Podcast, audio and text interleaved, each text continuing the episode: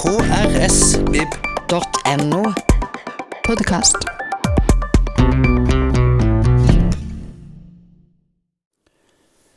Hei og velkommen til Klassikerklubben nok en gang. Eh, Da er det faktisk sesongavslutning for eh, vårsemesteret 2019. Hva er det som står på plakaten denne gangen?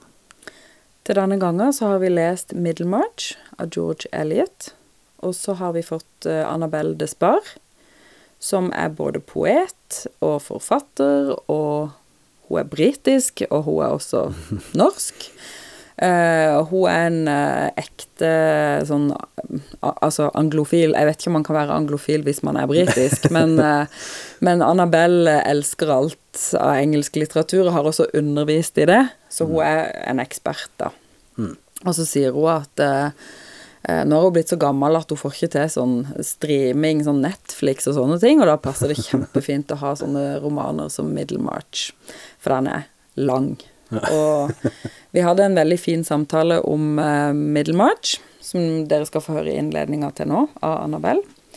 Eh, mange som hadde, overraskende mange som hadde Middlemarch som sin favorittroman. Mm, det blir spennende.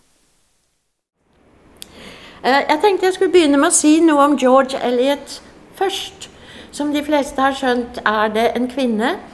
Hun heter Mary Ann Evans, eller Mary Ann Evans. Hun staves på to måter. Og, eh, og hun var født i Warwickshire. Det er et sånn relativt flat, flat del av England, men vakker. Eh, nærmeste by er Coventry. Og antageligvis er Coventry modellen for Middlemarch. For Middlemarch er en by, en fiktiv by. Um, Elliot ble født 22.11.1819. Så gjett om jeg skal flagge den dagen. Det er i år. Det blir jubileum. Og så um, døde hun i 1880. Hun lever altså gjennom viktoriatiden. Så hun er på en måte en viktoriansk forfatter. Men hun setter denne boken tilbake, eller hun legger boken tilbake til 1830. Eh, For det var en veldig spennende brytningstid. Det er jo før viktoriatiden rent teknisk, men det er en spennende politisk tid og en spennende tid generelt. Eh, hennes far beundret hun grenseløs, og han var akkurat sånn som Caleb Garth i boken. Caleb Garth er en sånn land agent. Han, han driver med eiendom, med, med jordbruk og er veldig fremadskuende egentlig. Han likte jernbanen. Han sa det er fremtiden for oss. Og han var en veldig klok og fornuftig og forsiktig mann. Veldig sjenerøs. Um, Elliot hadde en bror som het Isaac. Og hun må jo ha beundret ham også grenseløs. Fordi jeg vet ikke om noen har lest 'Mellom the Floss'?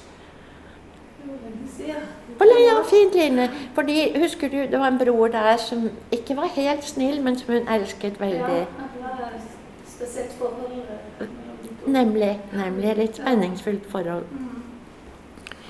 Uh, og broren naturligvis fikk mye mer utdannelse enn henne, selv om hun var tydeligvis svært begavet. Så hun fikk, hun fikk jo mer utdannelse enn de fleste jenter. Eh, hun kunne masse språk, og bl.a. gresk. Og det var det ikke så mange som jenter som kunne. Jeg vet ikke hvor mye hun kunne.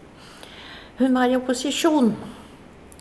Eh, etter moren døde, så måtte hun være hjemme i mange år hos faren. Og hun skuffet han dypt da hun nektet å gå i kirken en dag. I'm not coming with you to church. Og han ble fortvilet. Um, men hun hadde sine egne tanker, og hun beveget seg da til London. Hun kom inn i et sånt litterært miljø. Um, og um, veldig ganske tidlig oversatte hun Das Leben Jesu av Strauss, av D.F. Strauss. Det var i 1846. Altså, som undersøkte den historiske Jesus. Og vi ser også i Middelmarch at det er en som sier det er jo den tyske litteraturen dere må lese. De som ikke leser det, følger med den tyske åndslivet. De vet jo ikke hva som foregår. Um, det blir sagt på en litt sånn uheldig måte i boken. Ja, altså hvordan var hun? Ja, for det første så var hun ikke pen. Og det er liksom opplest og vedtatt at George Elliot ikke var pen. Og jeg tror det er Henry James som sa hun hadde noe hesteaktig over seg. Hun hadde Ja, ja. Hun hadde utrolig vakkert hår. Um, og så ble det sagt etterpå Alle som sa hun ikke var pen, sa men når du er i hennes nærvær, så blir du helt betatt. For hun hadde et så um, et vinnende og sterkt vesen. Så, så, og hun ble jo veldig rask Hun fikk en posisjon veldig tidlig i sitt liv. Men jeg, når jeg sier dette peneste, er ikke bare for å være triviell, men det er fordi jeg har alltid syntes det er veldig interessant hvordan en forfatter um, snakker om kvinnelig skjønnhet. Om de har en heltinne som er veldig skjønn, er det da at de også tillegger henne en rekke andre egenskaper, moralske egenskaper? Eller er det at de er litt sjalu på henne? Er det at de gjerne skulle vært sånn selv? Det har jeg ofte lurt på. Og med George Elliot så ser vi her at hovedpersonen, Dorothea Brooke, er vakker. Slående vakker, men på en klassisk måte. Helt helt stram i håret, i motsetning til de andre på den tiden. Og det sto Her beauty was of a kind that was most seen against plain dress. Så hun var en klassisk skjønnhet. Men du har også en blondine her som um, George Elliot ikke likte i det hele tatt. En fjollete blondine. Og det har vi også i Milan de Floss, hvis dere husker. Men hun, hun hadde et hjerte av gull. Det har ikke denne her. Um, etter hvert i London så gjorde hun virkelig skandale. Hun flyttet sammen med en mann som het George Henry Lewis. Han uh, var gift og kunne ikke skille seg. Jeg kan ikke huske om konen var gal, eller Jeg vet også at konen bodde i et annet, hadde et annet forhold, er ikke det riktig? Ja. Mm. Masse, masse merkelige Det er veldig interessant dette med Victoria-tiden. Så strengt. Men blant kunstnerne finner du en rekke uortodokse forhold. Charles Dickens strevde hele sitt liv for å holde sin elskerinne skjult for omverdenen. Ja, han hadde jo en kone, men han hadde jo ti barn med kona. Og så en dag så fikk han inn en snekker og bygget en vegg midt i soverommet. Han gjorde det. Det er helt sant. Og så fikk han en ung elskerinne som ingen måtte vite om, for han var et moralsk forbilde i alle hjem. Så Dickens bøker ble lest. Du hadde én bok, så ble den lest av seks andre. ikke sant? Så Altså, var, Game of Thrones er ingenting imot viktoriansk litteratur. Og de snakket om det hele tiden. Og de fikk det ikke i bind nødvendigvis, du sa i 18 bind. Denne her kom i 18 ja, episoder, installments. Og jeg har sett disse bøkene til Dickens, og de ble utgitt med masse reklamestoff oppi. Og de var billige. Det var billige å kjøpe. Um, så det er um, liv. Og, og, det ble et veldig godt forhold, og alle som uh, kjente dem, kunne ikke se annet enn at dette var et eksemplarisk forhold. Hun ble ikke buden i middagsselskaper. Han kunne gå ut i selskapslivet, men ikke hun. For hun var jo da på en måte en fallen kvinne som hele nasjonen dyrket. Så det var en veldig merkelig posisjon hun hadde. Og hun var like glad, kunne sitte hjemme og skrive han dør eh, når han er rundt 60 år, og hun er helt, helt, helt fortvilet. Og så gifter hun seg på nytt med en mann som het John Cross. Var noe sånt som i hvert fall 20 år yngre. Og hun var 60, han var 40. Og de drar på en lengre bryllupsreise rundt i Europa. Så skjer det merkelig at når de er kommet til Venezia, så hopper han ut av vinduet ned i kanalen. Det er jo veldig rart. Og det er blitt spekulert veldig mye. Han påstår selv Ja, du kjenner historien? Han påstod selv det var varmen, og at han ikke var helt frisk, og han syntes Venezia var knugende. Eh, og så er det mange som har naturligvis spekulert over det seksuelle. Men, så har jeg denne vidunderlige boken her, som dere kanskje kunne lese først. Den heter 'The Road to Middlemarch'. Av en som heter Rebecca Mead. Hun bor i Amerika nå. Um, og det, her, det må jeg si er sånn bok jeg fryktelig gjerne skulle ha skrevet selv.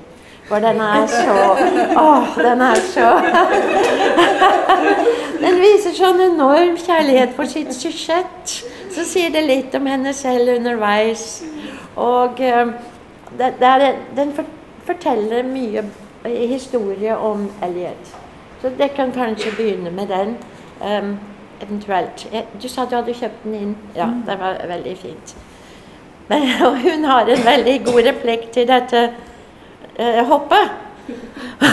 Fordi um, hun liker ikke spekulasjoner. Hun beundrer jo George Eliot så veldig. Og dys, hun vil ikke akkurat dysse det ned, men hun har en sånn deilig replikk. They had weathered bedrooms all through Europe.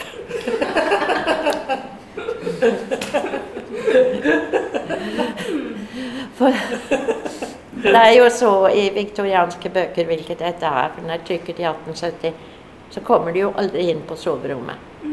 Eller du kommer veldig mye overlatt fantasien um, i det, om i det hele tatt.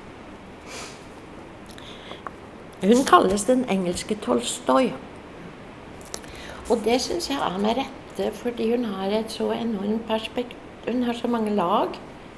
Um, og hun har et sånt enormt perspektiv. Og det er et samfunnsbilde. Um, nå er det jo mye større med Tolstoy, for da har du jo krigen, den store krigen. Her har du ikke annet enn litt politisk furore.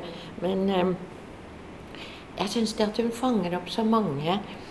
Og hun var veldig redd for å skrive roman, så hun, eh, hun skrev et essay som het 'Silly Novels by Lady Novelists'. Så der garderte hun seg, for hun syntes de skrev veldig fjolte. Og hun kalte seg jo ved et mannsnavn. Men det ble jo fort. Det var ikke anonymt lenge. Det var ikke sånn som Bronte-søstrene. Um, Virginia Woolf sa Middlemarch One of the few English novels written for grown-up people. Det syns jeg er så fint. Det er så fint sagt. Så da skal jeg si litt om boken.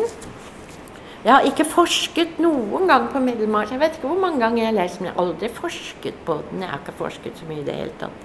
Men uh, dette er da at uh, denne byen, denne fiktive byen, omfatter alle samfunnslag. Og hun er veldig god på sosiale sjatteringer og på overganger og på klatring og på fall. Um,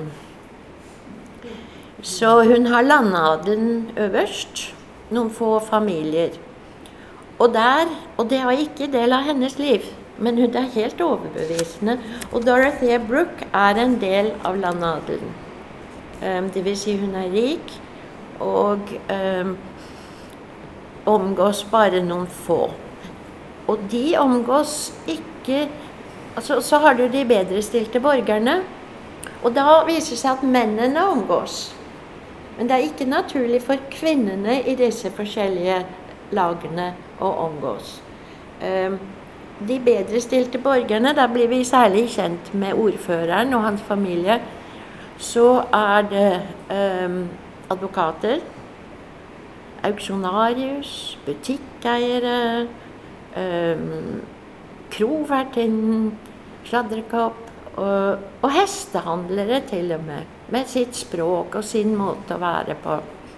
Og du ser alle pretensjonene hele tiden. Blant annet er det jo en av advokatene. Han, han har omgås den uh, litt den fine adelen, så han sier alltid 'by God'. Som om han var en del av det selv. Han føler at han liksom er en slags applaus på den måten han snakker. Um, den yrkesgruppen som interesserer Elliot mest, eller som er viktigst i boken, er presteskapet og legene. Veldig mye om leger. Um, det er utrolig godt utviklet plott. Et strålende plott. Um, kanskje noe unntak som jeg ikke skal snakke så mye om. Det er fire hovedhistorier flettet inn i hverandre på alle mulige måter. Har du lest boken? Ja. Og du? Ja, fint. Men det er noe, ikke sant? Det er, det, er liksom, det er helt genialt hvordan hun gjør det, hvordan de ble kjent med hverandre og involvert med hverandre. Uh, hovedpersonen må nok sies å være Dorothea Brooke. Og når vi møter henne, er hun 19 år. Hun er rik, hun har litt utdannelse. Hun har enorme forventninger til livet. Men mest til hva kan jeg gjøre? Hvordan kan jeg bruke meg selv til samfunnets tjeneste? Til å gjøre noe godt i livet? Hun er from. Hun er brennende. Hun er jo en sånn flammende sjel ikke sant? som er fanget i, en, i kroppen til en ung kvinne. Og det er ikke så lett. Hva, hva, hun, hun lengter faktisk etter et kall. Det er det hun vil ha. Um, så blir hun kjent med en litt eldre prest som heter Mr. Casabon. Han er en tørrpinn av dimensjoner.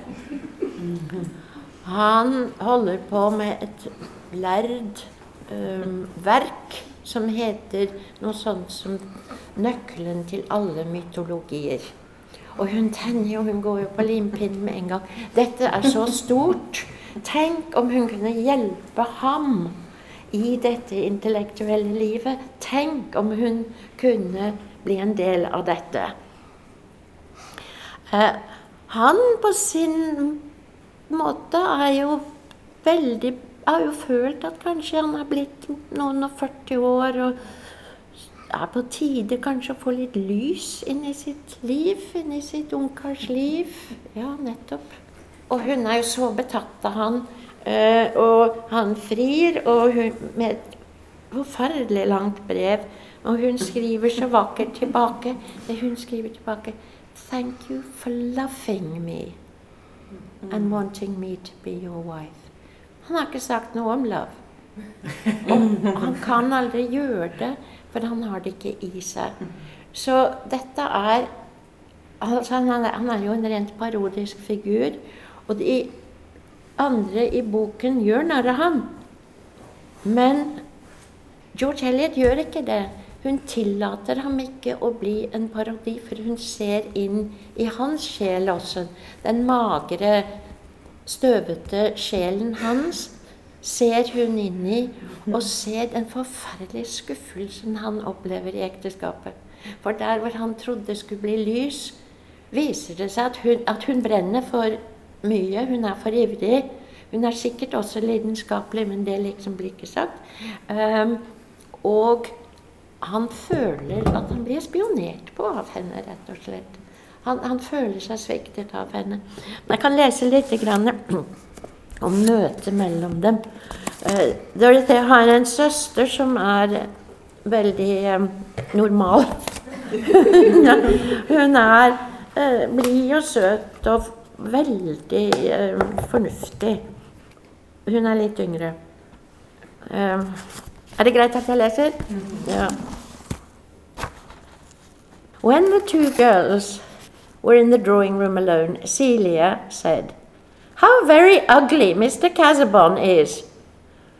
Celia, he is one of the most distinguished looking men I ever saw. He is remarkably like the portrait of Locke. He has the same deep eye socket. Had Locke those two white moles with hairs on them? ja, ikke sant? It's so painful in you, Celia, that you will look at human beings as if they were merely animals with a toilette and never see the great soul in a man's face. Oh, has Mr. Casaubon a great soul? Yes, I believe he has. Everything I see in him corresponds to his pamphlet on biblical cosmology. He talks very little. There is no one for him to talk to. Og så litt etterpå så har ikke Silja blitt innviet i denne forelskelsen, kan jeg ikke helt kalle det, men i det som foregår. Så nest så skal han komme tilbake til middag. Is anyone else coming to dine besides Mr. Casabon? Not that I know of. I hope there is someone else. Then I shall not hear him eat his soup so. What is there remarkable about his soup eating? Really, Dodo. Can't you hear how he scrapes his spoon? And he always blinks before he speaks. I don't know whether Locke blinked, but I'm sure I'm sorry for those who sat opposite him if he did. Og hele strøket, hele alle disse vennene, er jo like fortvilet. Nå må det brytes til Og nå er det en som blir fortalt at uh, han har fridd, og hun skal gifte seg. Og det er en fantastisk figur. Bipersoner er det beste. Det er en av som heter Mrs. Nei, ikke de beste, men de er også gode. Mrs. Cadwallader. Hun rir omkring i landskapet. Hun er mager med veldig rød kinn og ganske aristokratisk, men fattig. Um, og forteller en av naboene um, She's engaged to Casaubon. Casaubon? Even so, you know my errand now. Good God, it's horrible. He's no better than a mummy. she says he is a great soul. Ha! A great bladder for dried peas to rattle in. What business has an old bachelor like that to marry? said Sir James. He has one foot in the grave. He means to draw it out again, I suppose. Så du kan ikke si at ikke hun er vittig. Altså, hun var jo så seriøs, men, men sånn er jo boken. I hvert fall dette går veldig dårlig, dette ekteskapet. Det er ikke annet å si. Men, men med um, George Eliots sympati. Det er, det er, en tragisk historie. Eh, nummer to historie er veldig parallell, og det er Lidgate. Det er en lege som kommer som vil forandre byen. Han eh, ha, ha, vil opprette et forskningsmiljø, særlig innen feber. Og når vi tenker på året 1830, så var det jo disse bølgene av kolera også, også her. Ja. Eh, han har han er, han er en karakter med en helt tydelig brist. Noen ganger ser du det i karakter, og noen ganger ikke. Hos han er det fordi han, han er faglig målrettet, men utenom er han på en måte skjødesløs. Um, han forstår ikke at han kan han også bli fanget opp av middelmådighet. At byen vil angå ham og sette sine tentakler i ham på mange måter. Han tror han er en fri mann. Han vil forske, utøve en stor, god legegjerning, gjerne gratis. Og det er jo ikke så bra med de andre legene. Um, han syns det er helt greit og veldig morsomt og hyggelig å flørte med borgermesterens datter.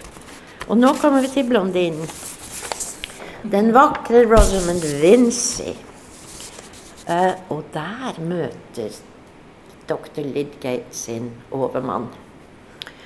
Hun er blond med svalne, svale, svanehals og nydelige blonde fletter knyttet bak. Blå øyne. Hun har gått på Mrs. Lemmons skole, hvor hun har lært akkurat å føre seg, akkurat å være dannet nok.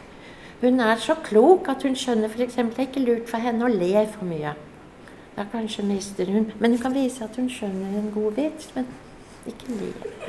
Um, og fra det øyeblikk hun hørte om den nye legen med litt aristokratisk bakgrunn, så har hun allerede med en gang i, sitt, uh, i sin ganske glupe hjerne allerede begynt å kjøpe inn servise, linnet og et hus. Alt har hun planlagt før, din, før hun nesten har truffet ham. Så hun blir Lydgates nemesis.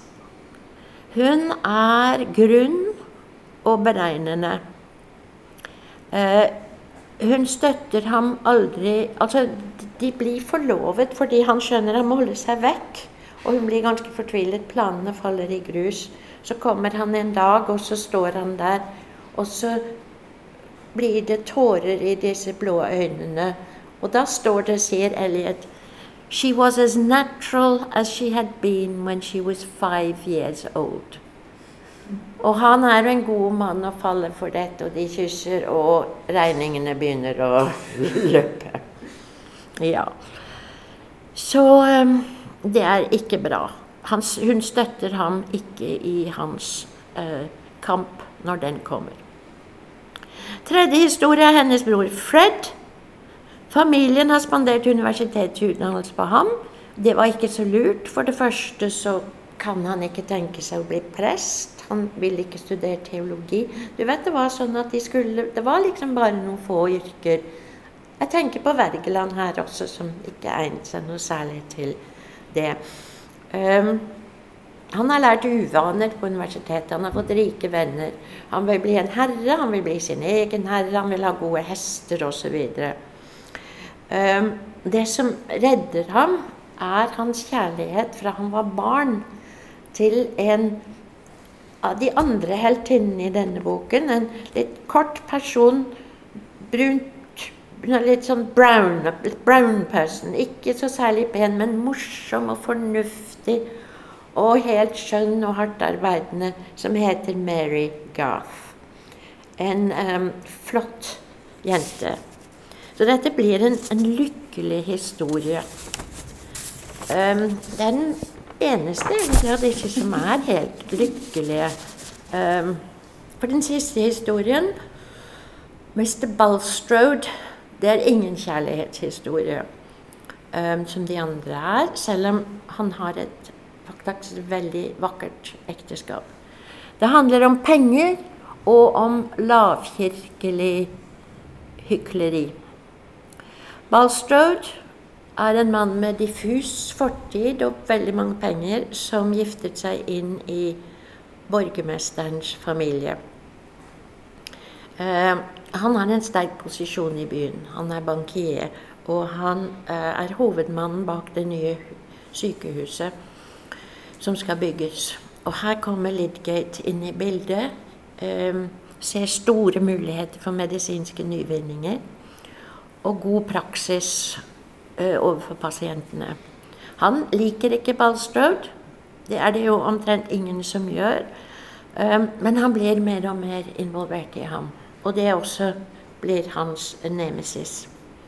Og det er fordi han, han tenker ikke over småbyens Eh, moralske valg og de dilemmaene som Det er jo avgjørelser som må tas hele tiden. Og han tror han kan heve seg over dette her. Uh, heve seg over trivialitetene. Så han tenker ikke ordentlig gjennom disse tingene. Uh, og George Elliot viser at ingen valg, ingen handling, ingenting er for trivielt. Det er sammenheng hele veien mellom handlinger. Alt vi gjør, og alt vi har gjort, påvirker andre og kan sette i gang en kjede med konsekvenser. Så jeg skal ikke røpe alt. Uh, hennes storhet er den helhetlige visjonen. Hun ser hvordan skjebner flettes inn i hverandre. Uh, hun plasserer personene i til dels akutte moralske dilemmaer. Og jeg tenkte å lese fra et av disse her. Hun dømmer ikke. Hun bare viser hvor vanskelig det er å handle riktig. Uh, hun har medfølelse med personene. Um, så da vil jeg si der hvor Dickens Kanskje hans storhet er ofte i bipersonene. Og i noen av hovedpersonene, særlig kvinnene, så stønner man litt og tenker åh, oh, dette er noe, noe sentimentalt. Men, men sånn er ikke Elliot. Altså, hver eneste person her, med unntak av én, er helstøpt og interessant og angår andre personer. Nå skal vi se Altså denne Balstrode, som har en diffus fortid, det er også en ganske ubehagelig og snuskete fortid. Og til byen kommer tilfeldigvis en som kjenner til dette. Han kjenner til Bulstrodes hemmeligheter og det Bulstrode har unnlatt å gjøre av riktige ting. Han er en veldig forfyllet, utflyttende person. Uh, han kommer flere ganger, og han er et mareritt for Balstrode. Men når han kommer siste gang, så er han eh, veldig sunket Veldig langt nede i Jeg vet ikke hva det heter, for i hvert fall er det i alkoholisme og feber. Eh, han legges inn i Balstrøds landeiendom, og Balstrød får beskjed av Lidgate skal, Dette er ny behandling, sier Lidgate, med en alkoholiker på det stadiet her. Må dere ikke gi noe alkohol, uansett hvor han trygler og ber om det. Han skal ha opium i viss mengde doser utover natten, med så mange timer mellom, og ikke mer.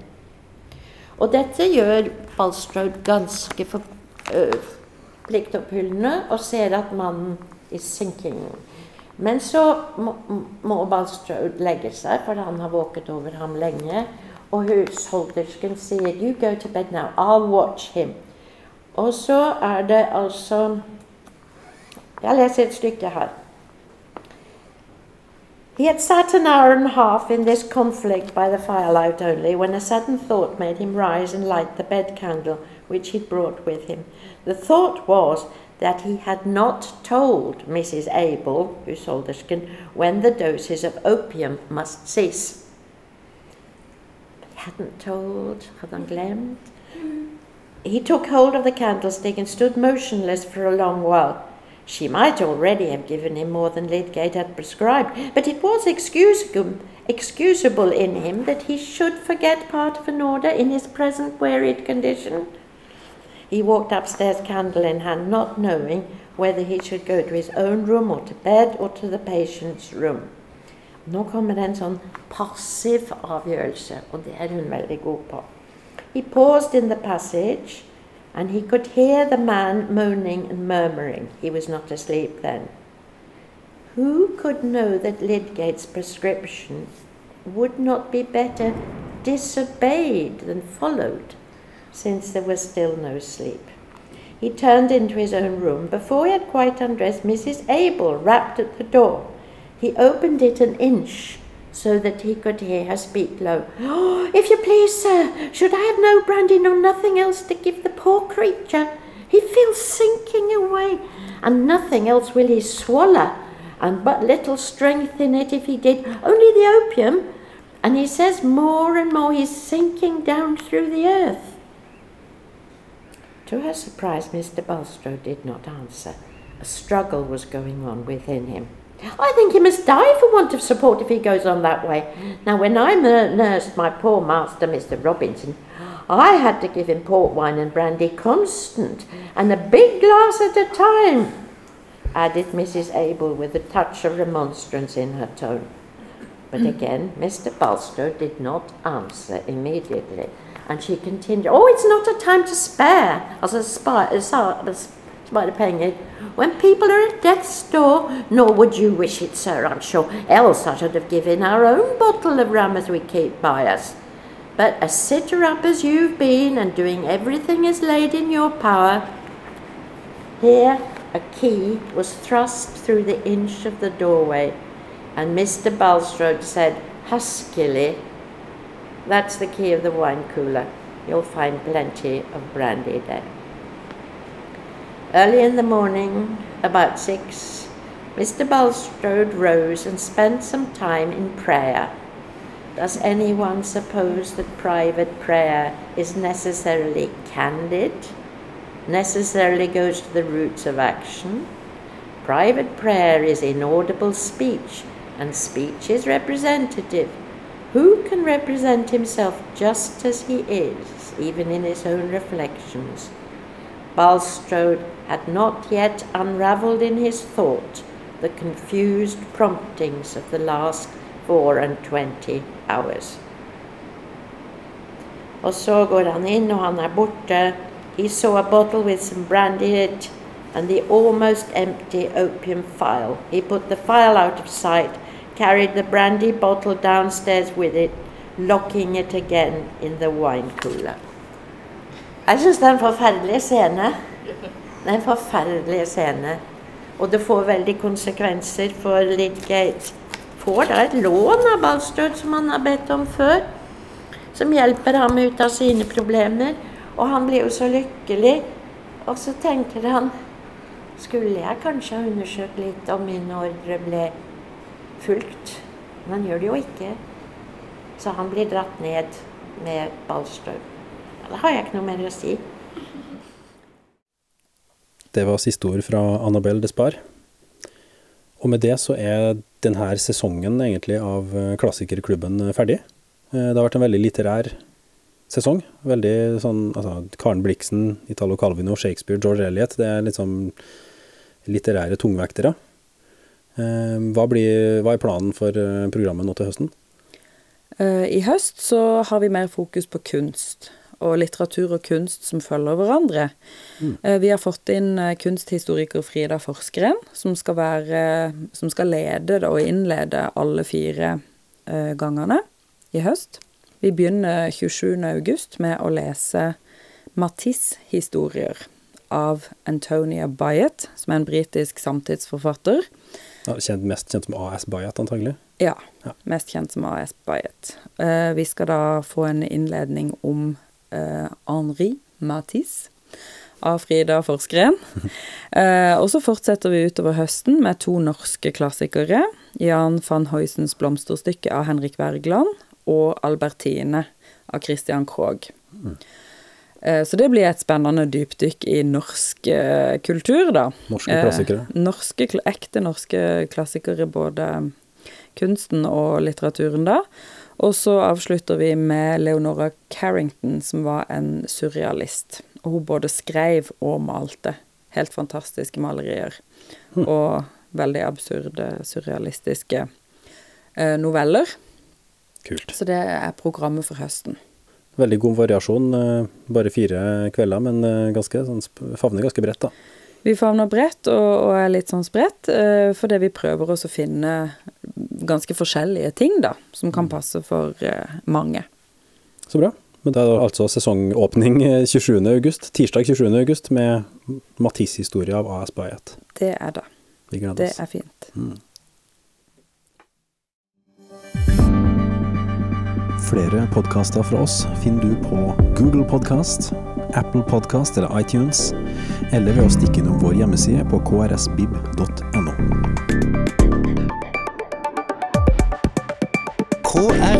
krsbib.no. Podkast.